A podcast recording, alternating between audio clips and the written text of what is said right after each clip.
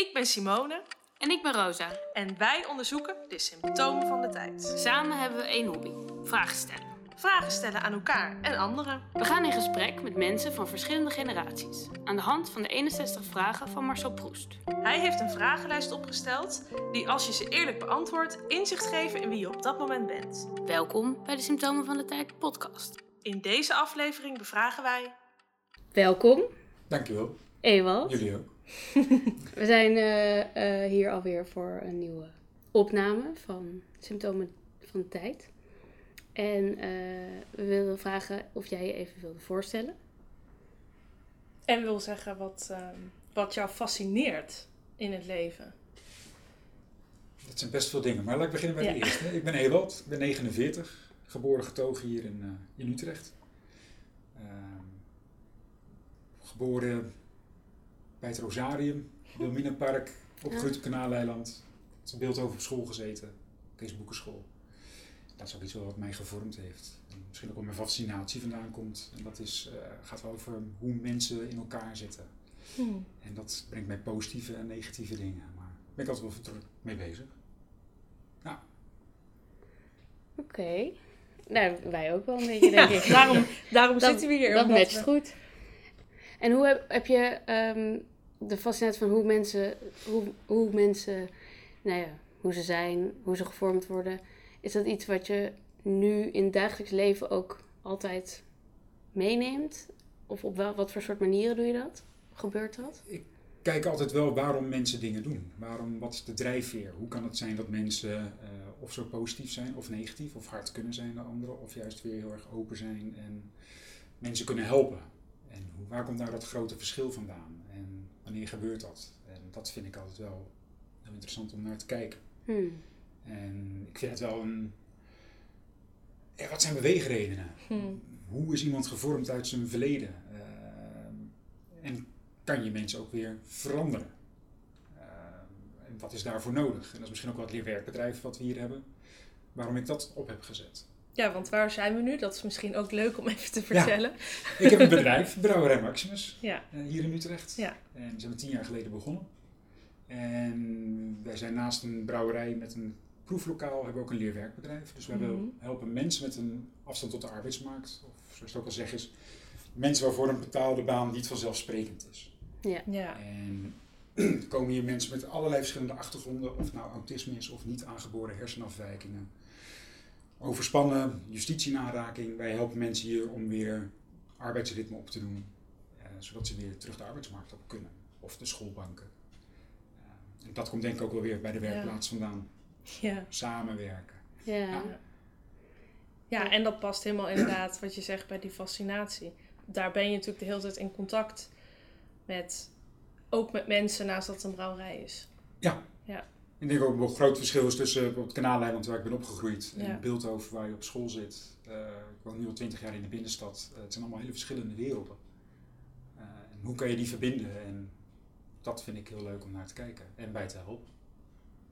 Mooi. Welke persoon bewonder je? Mag ik niet gelijk mijn moeder zeggen? Dat is toch... eh, Het mag wel. Dat wordt ook gezegd. ja, dat is wel, ehm, welke persoon bewonder ik?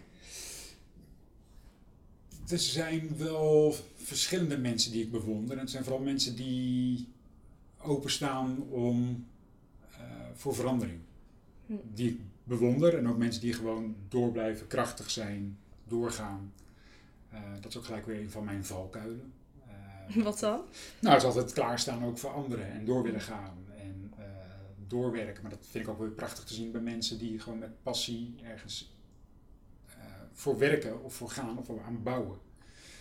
Ehm, ik denk dat ik dat van thuis heb meegekregen, onder andere mijn vader en mijn moeder. Die Mhm. zijn altijd wel eh, toch aanpakkers geweest. Dus daar heb ik natuurlijk eh, enorme bewondering voor. Ehm, ja, ik denk ook mijn moeder komt uit de Zeven Steegjes. Mhm. Oh, ja. Dus dat is een, eh, echt een volksbuurtje. Ja. Ja. ja, het zijn misschien de jeugd, we zeggen, met de hele straat wc delen. Ja. Dus ik kwam uit een heel ander milieu. Ja. Eh, dus mijn moederskant komt echt, eh, ja, echt uit Utrecht. En eh, mijn moeder heeft toen gezegd van ik wil niet dat mijn kinderen in dat milieu opgroeien. Je wilt natuurlijk wat veranderd, maar daardoor was ook Mhm. gewoon je perspectief in het leven beperkter. dus we kozen bewust voor dat ik niet plat mocht praten. dus echt ABN praten. Oh, ja.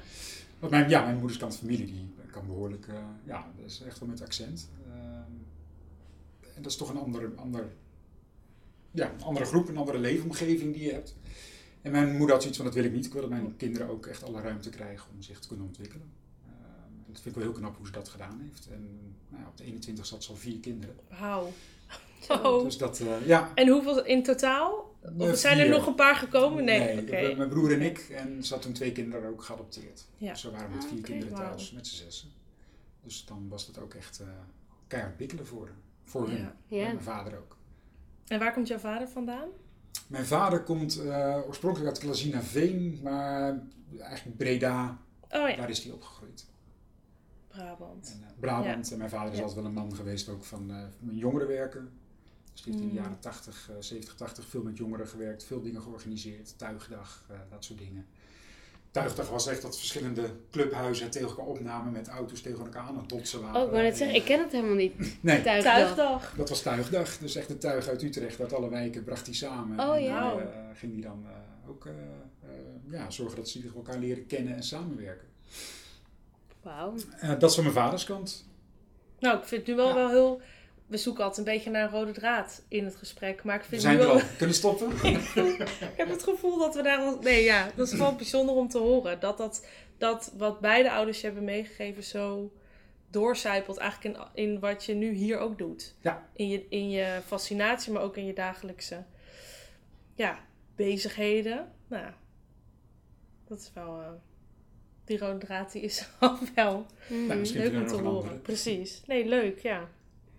Ja, want, oké, en maar want in het begin zei je van, ik waardeer, mag ik mijn moeder zeggen?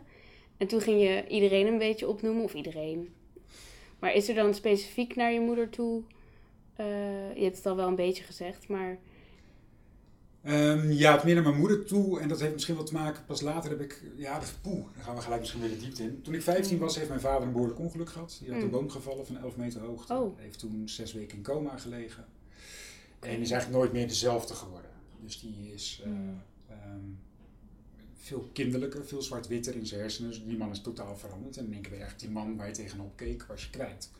Je zit in je puberteit, Ja. dus je vecht er enorm tegen. En dat is een behoorlijke strijd geweest tussen ons twee. Hmm. Eigenlijk in de hele familie. hm, Uh, maar pas achteraf besefte ik van wat hij zelf had doorgemaakt. En wat hem uh, voor doorzettingsvermogen die hij eigenlijk wel niet had Ja. om ja, uh, te revalideren en door te vechten. En, ja, maar dan in die leeftijd ben je er wat Ja. minder mee bezig. Dan ben je meer naar jezelf aan het Ja. kijken. En daardoor was ik wat meer voor mijn moeder die dan eigenlijk het gezin draaiende moest houden. En ook voor mijn vader moest zorgen. Ehm, die dat allemaal bij elkaar moest houden. allemaal bij elkaar moest houden. Ja, en dat is ontzettend goed deed. Oh, mooi. Ja. Maar ook, ook wel bijzonder dat je inderdaad dan met een, met een andere blik later daar naar terug kan kijken. Ja, dat is uh, ja, de, de, langzaam leren. Ja, want het is heel begrijpelijk dat je als, uh, nou ja, als puber in je eigen wereld zit. Dat zitten we allemaal als puber, over het algemeen. Maar dat, dan, dat je daarna dan die, die verbredende blik... Ik kan me ook wel eens voorstellen dat het ruimte geeft naar je vader toe. Ja. Of zo, of ja, voor jezelf. Ja, in het begin was je vooral boos. Waarom heeft hij Ja. dat gedaan? Ja. Waarom zat hij in die boom? Waarom uh, heeft dat zulke gevolgen gehad voor de familie? En uh, ja, waarom had hij niet iets beter na kunnen denken? Mhm. Ja. misschien was dat zo'n boosheid, maar ook dat je gewoon niet, je wil gewoon die man terug die je leerde kennen toen, uh, nog kennen tot je vijftiende. Ja. En die wil je terug en die wil je Ja. altijd maar blijven zien. En eigenlijk is het een soort trek aan een, ja, wat is het, uh, illusie Hmm. uh, voor jezelf. Ja, en ook afscheid nemen daarvan. En afscheid nemen Van een daarvan. persoon en dat is een enorm was. rouwproces is dat. Uh, voor jezelf in ieder geval. Uh, om dan te beseffen dat je die man nooit meer terug zou krijgen. Ja. Laten we naar de tweede vraag gaan. Um, die uh, is, lijk je op je vrienden?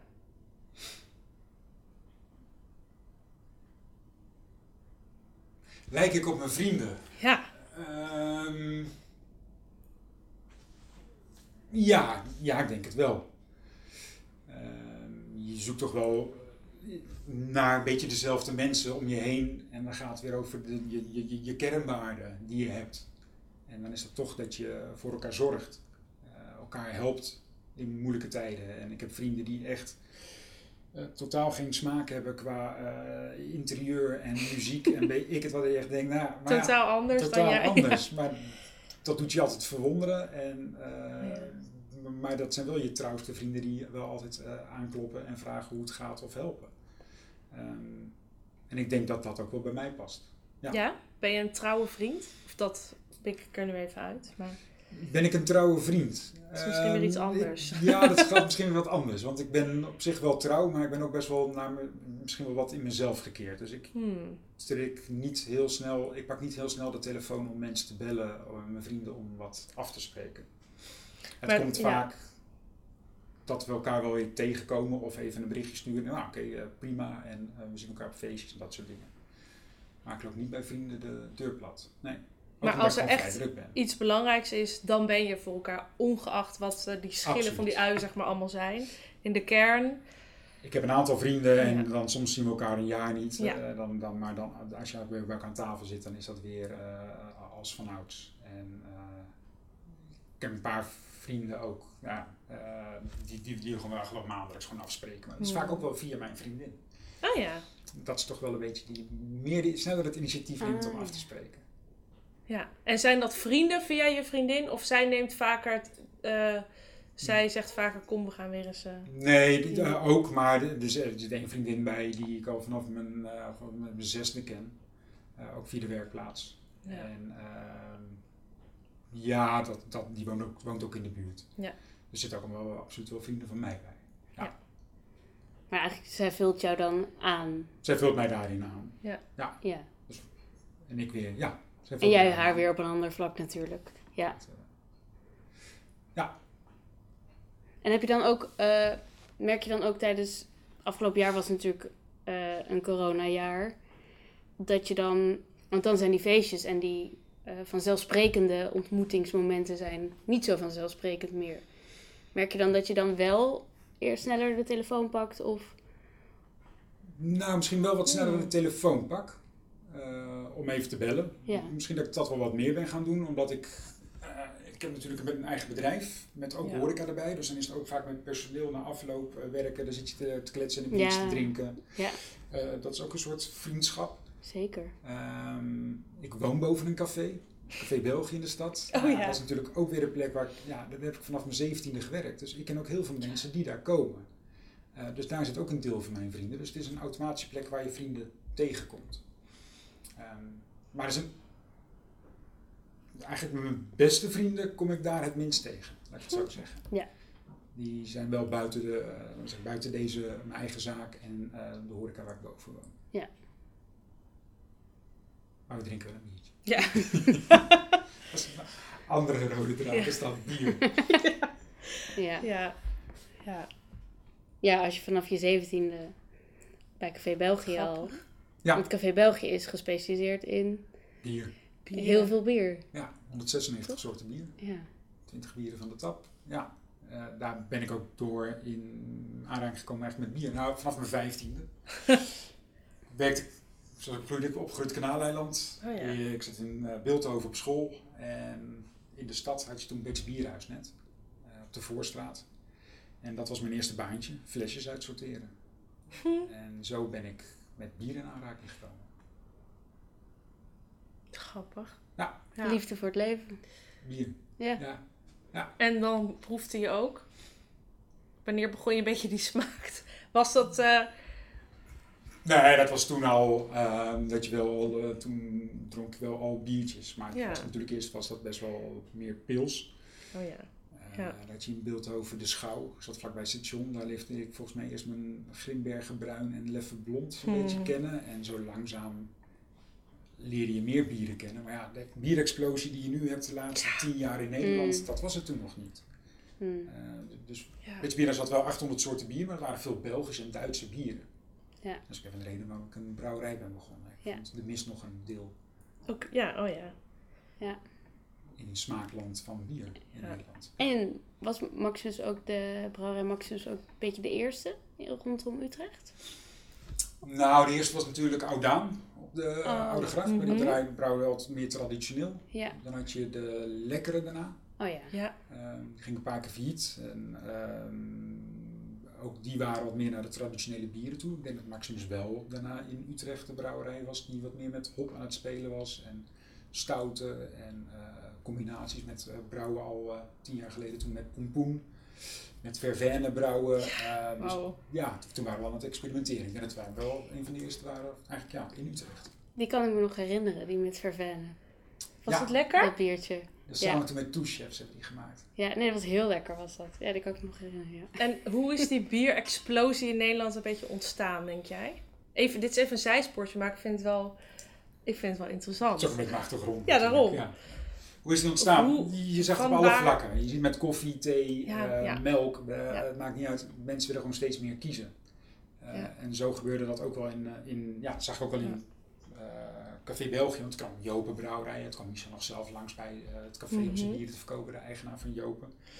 Ehm, en ik zag steeds meer brouwerijtjes in Nederland ontstaan. En ook meer vraag. Ehm, en dat komt omdat mensen gewoon steeds meer dingen uit willen proberen. Eh, keuzestress. ook- ik vind het soms ook absurd hoeveel Ja, ja. en hoeveel smaken en er in alles is. Hoe complex wil je het maken allemaal? Eh, maar het is ook wel weer fantastisch om steeds weer nieuwe smaken te ontdekken. Ja. Dus het was steeds Ja, meer vraag. ja, ja, steeds ja, meer vraag dat- vanuit ja. de, Ja. ja. Ja. de consument, de jongeren, Ja. de studenten. Ja. Eh, dus ik zag wel echt in de studentensteden echt ontstaan. Ja. Nou, je internet, de wereld wordt kleiner. Precies. En ja, ja. de wereldbeeld verbreedt, dus het wordt kleiner, dus het is meer mogelijk. Ja, Ja, dus het wordt toegankelijker en dan Ja. gingen mensen wel sneller naar Amerika kijken en dan kwamen ook meer Amerikaanse bieren deze kant op. We gingen natuurlijk ook al massaal reizen. Dat gebeurde Mm. al, maar nog massaler. Ja, mensen gingen veel meer reizen, Ja. dus je- dat wil je ook weer naar Nederland halen. Ja. ja. Oké, gaan we naar de volgende vraag. Ehm, weer even een, een eh, ander soort vraag. Als je één vraag aan het opperwezen zou mogen stellen, welke zou dat zijn? Opperwezen is eh, natuurlijk vrij interpreteerbaar. Ja.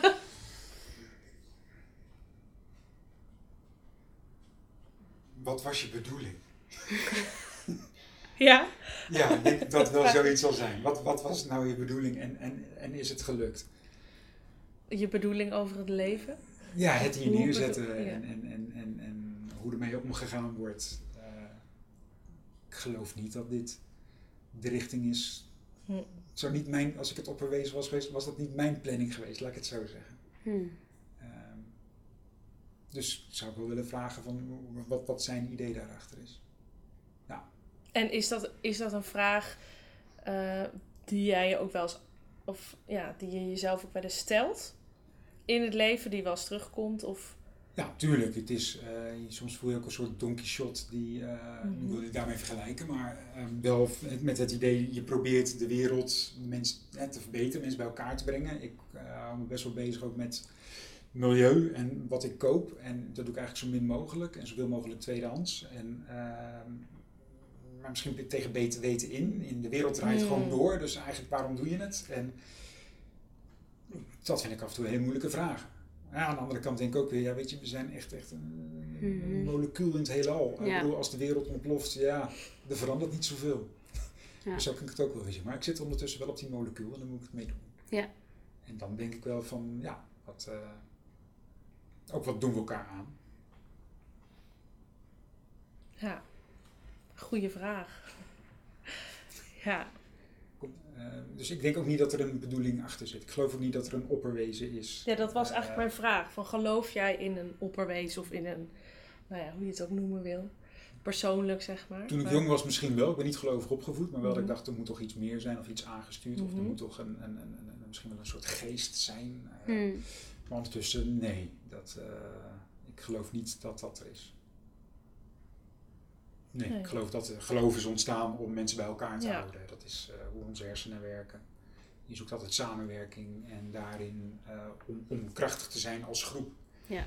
Of het nou FC Utrecht is of dat het Maximus Boeddha is. Of Maximus, precies. Ja. Maximus is, ja, je probeert mensen te verbinden. Ja. Dat is eigenlijk misschien ook wel wat ik hier probeer te doen. Mensen verbinden bij elkaar brengen om soortgelijke, eh, klinkt misschien wel raar, maar wel mensen bij elkaar te brengen om het bij elkaar zo mooi mogelijk te maken. En fijn mogelijk. Mhm. En ik denk dat dat ook de ja, misschien wel, de, misschien wel de vraag is of het antwoord. Je, moet- je moet gewoon voor, er voor elkaar zijn. Ja. Het leven, je moet niet ervoor gaan om het allemaal zo leuk mogelijk te hebben. Dat is Nee? niet de, nee. Nee, dat is hartstikke leuk, maar het leven is niet alleen maar leuk. Eh, het is ook lijden, het is ook eh, tegenslagen hebben. En ehm, ook dat moet je gewoon leren dragen. En de dood komt eraan voor iedereen. Eh, dus die is onvermijdelijk. Mhm. En ik denk ook als, als we dat nou eens meer zouden accepteren met elkaar en Ja. Ja. daar Ja. eens eens samen wat meer over nadenken, dan zou het al eh maken het elkaar minder moeilijk, denk ik hier. Dus mij mag, eh, misschien moeten we wel gewoon een grote totempaal maken voor de dood en daar moeten allen eens wat vaker bij stilstaan. Ja. Ja, in plaats van dat het een no-go, taboe. Het is een taboe. taboe. Ja, is het een jawel. taboe? Ja. In ieder geval de westerse wereld wel. Het gaat allemaal Ja. over zo oud mogelijk worden en Ja. alles er maar aan doen om zo gezond mogelijk te leven ehm, en dingen Ja. dan te verbieden. Ja, het is aan iedere keuze aan iedereen zelf wat hij daarmee doet. Ja. Ja, interessant. Ja. Dat zinnetje van alles moet altijd zo leuk mogelijk zijn, dat blijft wel in mijn hoofd hangen. Van, eh, het gaat juist over verbinding en, en inderdaad voor elkaar zijn. En soms is, dat, soms is het leven helemaal niet leuk. Maar dan, ja, hoe ga je daar dan mee om? Dat het meer daarover gaat. Ja, het hoeft niet allemaal ja, een, een, een Maar we te zijn. Precies, maar als je op social media kijkt en overal, daar, ja, nou, dat is ook wel leuk dat steeds meer mensen ook wel delen van hoe het nou echt gaat. Maar we leven in zo'n wereld waarin het daar wel de hele tijd om gaat. Ja, naar buitenkant Heb ik laten zien idee. hoe goed wij het allemaal Ja. hebben en hoe mooi en hoe leuk. Ja. En vanuit ons bankje, terwijl we Hmm. eenzaam zitten, doen alsof we het Ja. heel leuk hebben. Ja, Ja, terwijl de zware momenten maken de, de lichte momenten natuurlijk ook meer waard. Ja, en wees maar gewoon eerlijk naar elkaar Ja. daarover. Ja. We zitten allemaal in hetzelfde, op hetzelfde bolletje. Volgende vraag? de volgende vraag is: welke eigenschap waardeer je in een vrouw?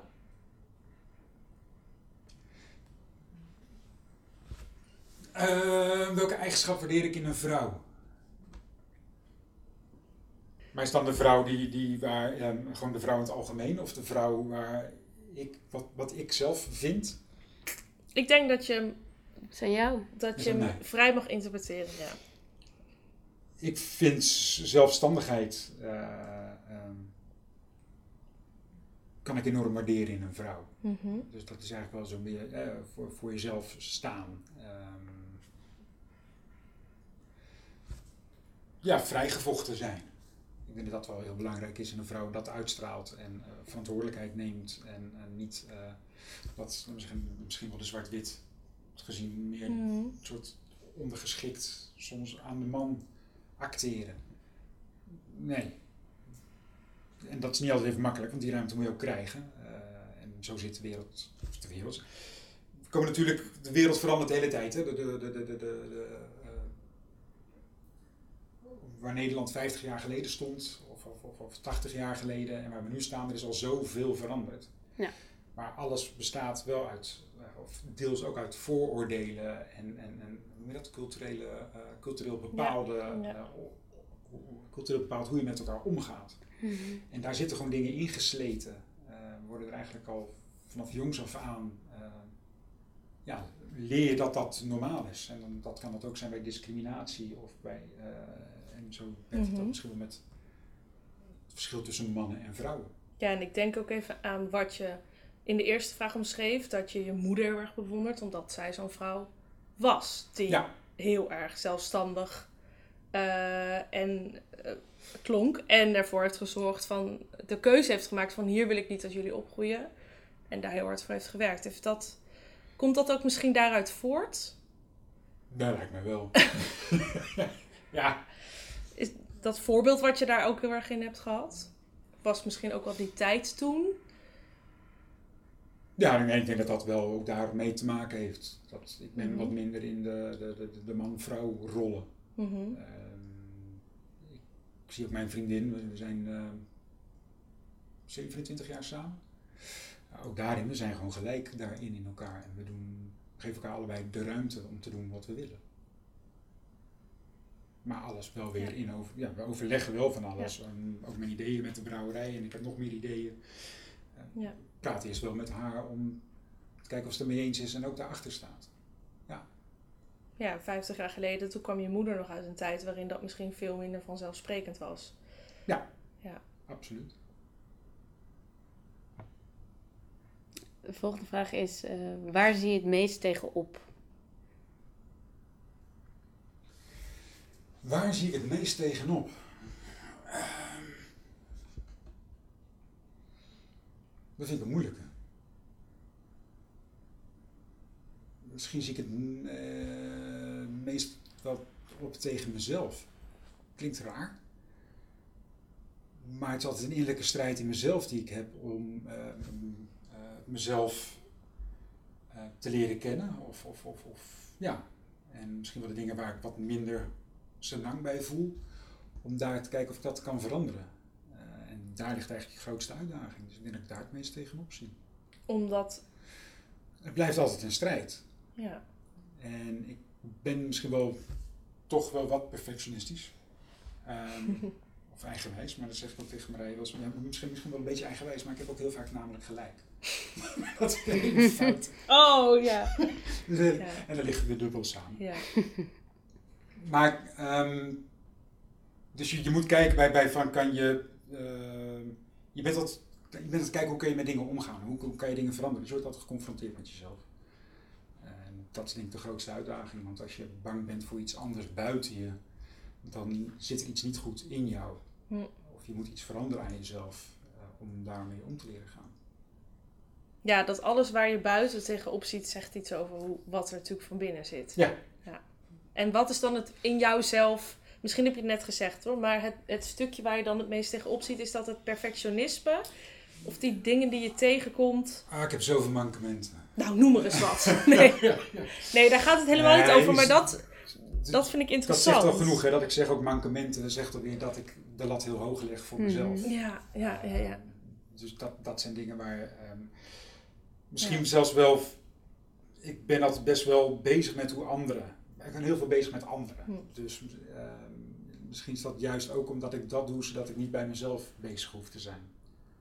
En, Ja, dat is een heel slim mechanisme. ja. Ja, om daar zo... Ja, En leer eerst maar eens van jezelf houden. Eh, Hm. Jezelf leren kennen. In plaats van altijd maar met anderen bezig zijn. Ja. Ehm, en dat is eh, eh, heel interessant. ja. Ja, wij, wij zeggen allebei heel beamend. Ja, ja.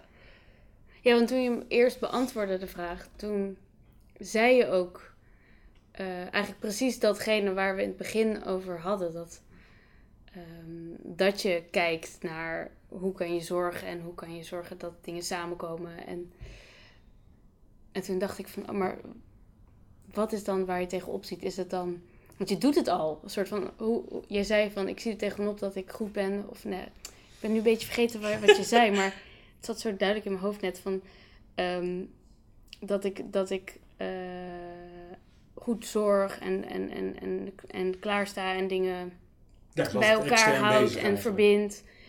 Ehm, dat dat ook het meeste is waar je tegenop ziet voor jezelf. En toen dacht ik aan ons hele gesprek van, maar je doet het in alles al. Je bent er de hele tijd mee bezig. Je komt elke keer op terug. Volgens mij doe je dat heel goed. En toch is dat je hetgene waar je het meest tegenop ziet. Ja, misschien doe ik het daarom juist ook wel zo goed. Ja, Ja, dat, ja. Ehm, je dus, dus waarom zie, waar zie je het meest tegenop? Hè? Dat, dat je dan misschien wat meest tegen, tegen jezelf opziet, is dan misschien juist wel juist logisch. dan. ja.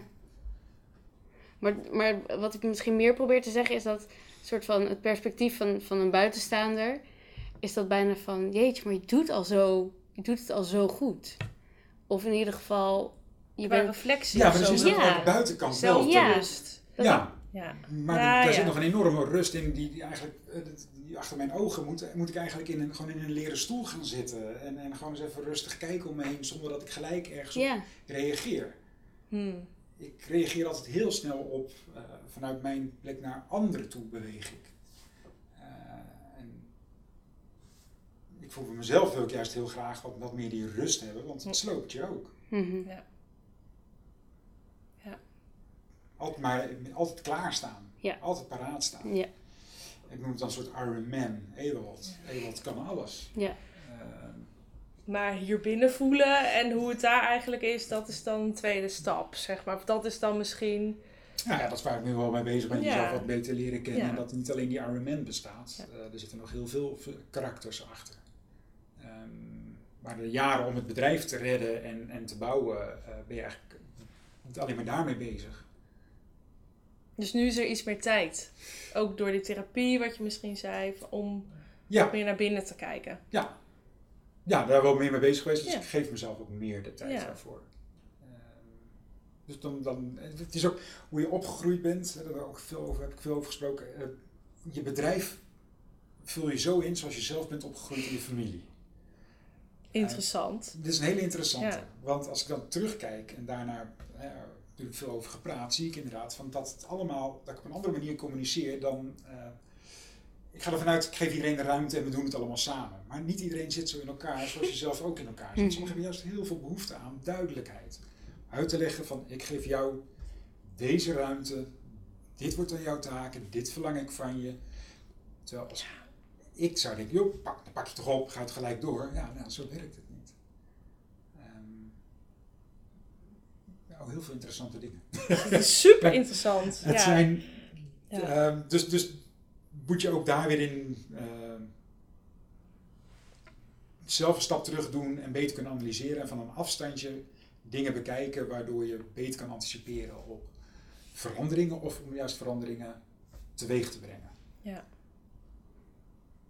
Anders dan ren ik heel hard om iedere keer terugrennen om iedereen weer bij te halen. Omdat jij inderdaad Ja. zo in een ruimte ook bent van, nou, dat doet iedereen toch? Ja, Of, eh, toch ja. die kant op? Ja. Ja. Ja. Sommige mensen hebben een, een routebeschrijving nodig, of een kaart, of een eindpunt, of een... eh, ja, Ja, is echt nou, een- leuk om mee bezig te zijn. Ja, het is heel Ja. leuk om bezig, mee Ja. bezig te zijn. Ja. Oké, nou, de, de zesde vraag. Hierna komt er dus nog één. Ehm, ben je bijgelovig? Nee. Nee. Ehm, zeg ik wel hard nee. Ik, ik had vroeger wel, was ik wat meer bijgelovig. Ehm, maar ondertussen ben ik daar vanaf. En wat voor dingen had je vroeger dan?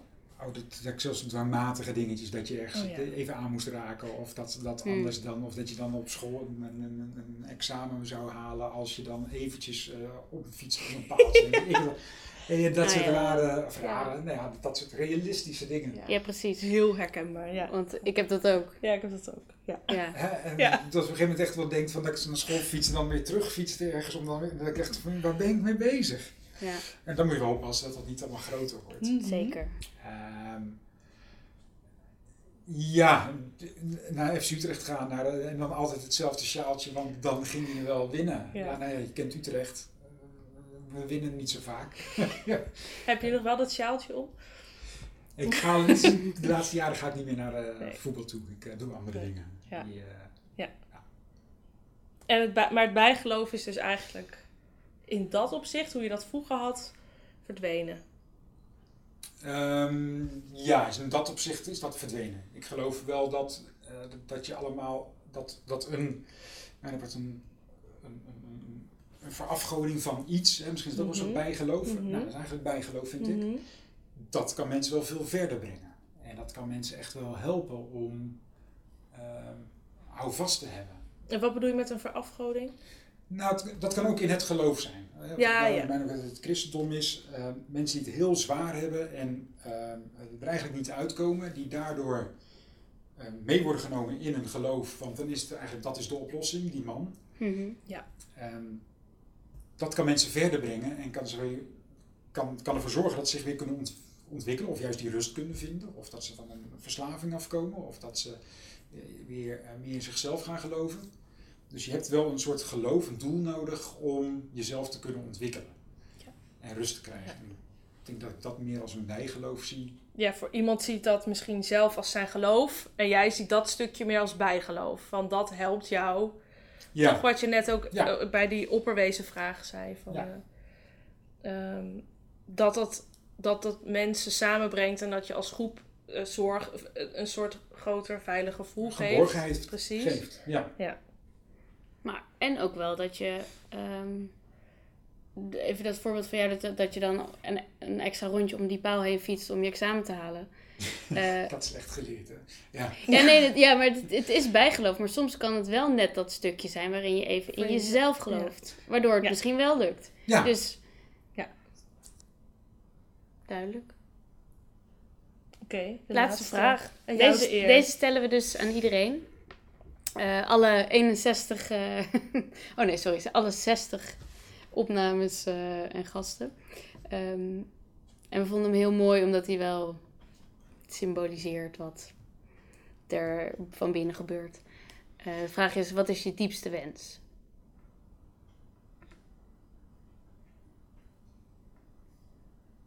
Oeh, wat is mijn diepste wens? Ik weet niet of ik een diepste wens is vast wel. Heb ik een moeilijke? Heb ik een diepste wens? Nou, dat is misschien wel gewoon voor mezelf. Mhm. Is dat eigenlijk meer iets meer balans krijgen erin? Ehm, zodat ik. Ja. ik moet lachen. Want ik ga gelijk zeggen, zodat ik er ook weer wat voor anderen kan zijn. Oh, ja. De rode draad. Ja, inderdaad, bier. Wauw, maar grappig. nee, mijn diepste wens is wel dat ik wat, wat meer innerlijke rust krijg. En dat ik misschien wel die verstandige 81-jarige ga worden straks. Die, eh, dat, dat ik daarin gewoon mensen mee kan nemen. En, en mezelf. En eh, het, snap. Wat snapt. Hmm. Wat ik hier dan gedaan heb. Ja, ja, En wat ik, wat waarom ik hier ben. Ja. En dat ik ook tevreden terug kan krijgen, kijken in dat ik gewoon mijn best heb gedaan. En dat dat goed is. Dus rust. De rust. Ja. Ja. Ja. Maar doe ik wel als ik 81 ben. En dan niet. Dat, Daar, Ja, of, of juist de, de weg erheen. Ja, Ja. Dat, dat is ook wat ik bedoel. Het gaat dat die wens eigenlijk, Ja. dat die weg daarheen gewoon eh, eh, eh, nog, nog lang mee bezig kan zijn. Ja. En misschien ook dat je, dat je de weg erheen ook al als kan ervaren als een succes. Of als een. Dat het niet alleen op het einde hoeft te zijn. Dat je nu Nee, ook al kan dat- voelen van oh ja, nu heb ik een. Nu, nu merk ik een beetje rust. Of nu ervaar ik een beetje geen rust. Misschien kan ik het volgende keer anders doen. Dat dat al succes is of zo. Ja, maar, ja, maar ik, ook dat heb ik. Ik heb niet zoiets van, oh, wat heb ik allemaal gedaan? Ik ben best tevreden over Ja. wat ik gedaan heb en wat ik geleerd heb. En eh, als morgen mijn laatste dag is, is morgen mijn laatste dag. Mhm. Dan eh, weet ik wel dat ik gewoon het met plezier heb gedaan. En eh,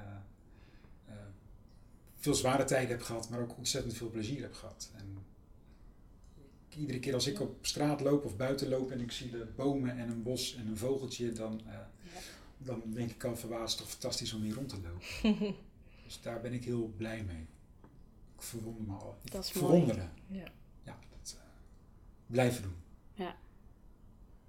Dankjewel voor het luisteren naar onze podcast. Symptomen van de tijd is eigenlijk een artistiek onderzoek naar de huidige tijdsgeest. Elke tijd brengt namelijk zijn eigen denkpatronen, trends, normen en waarden met zich mee.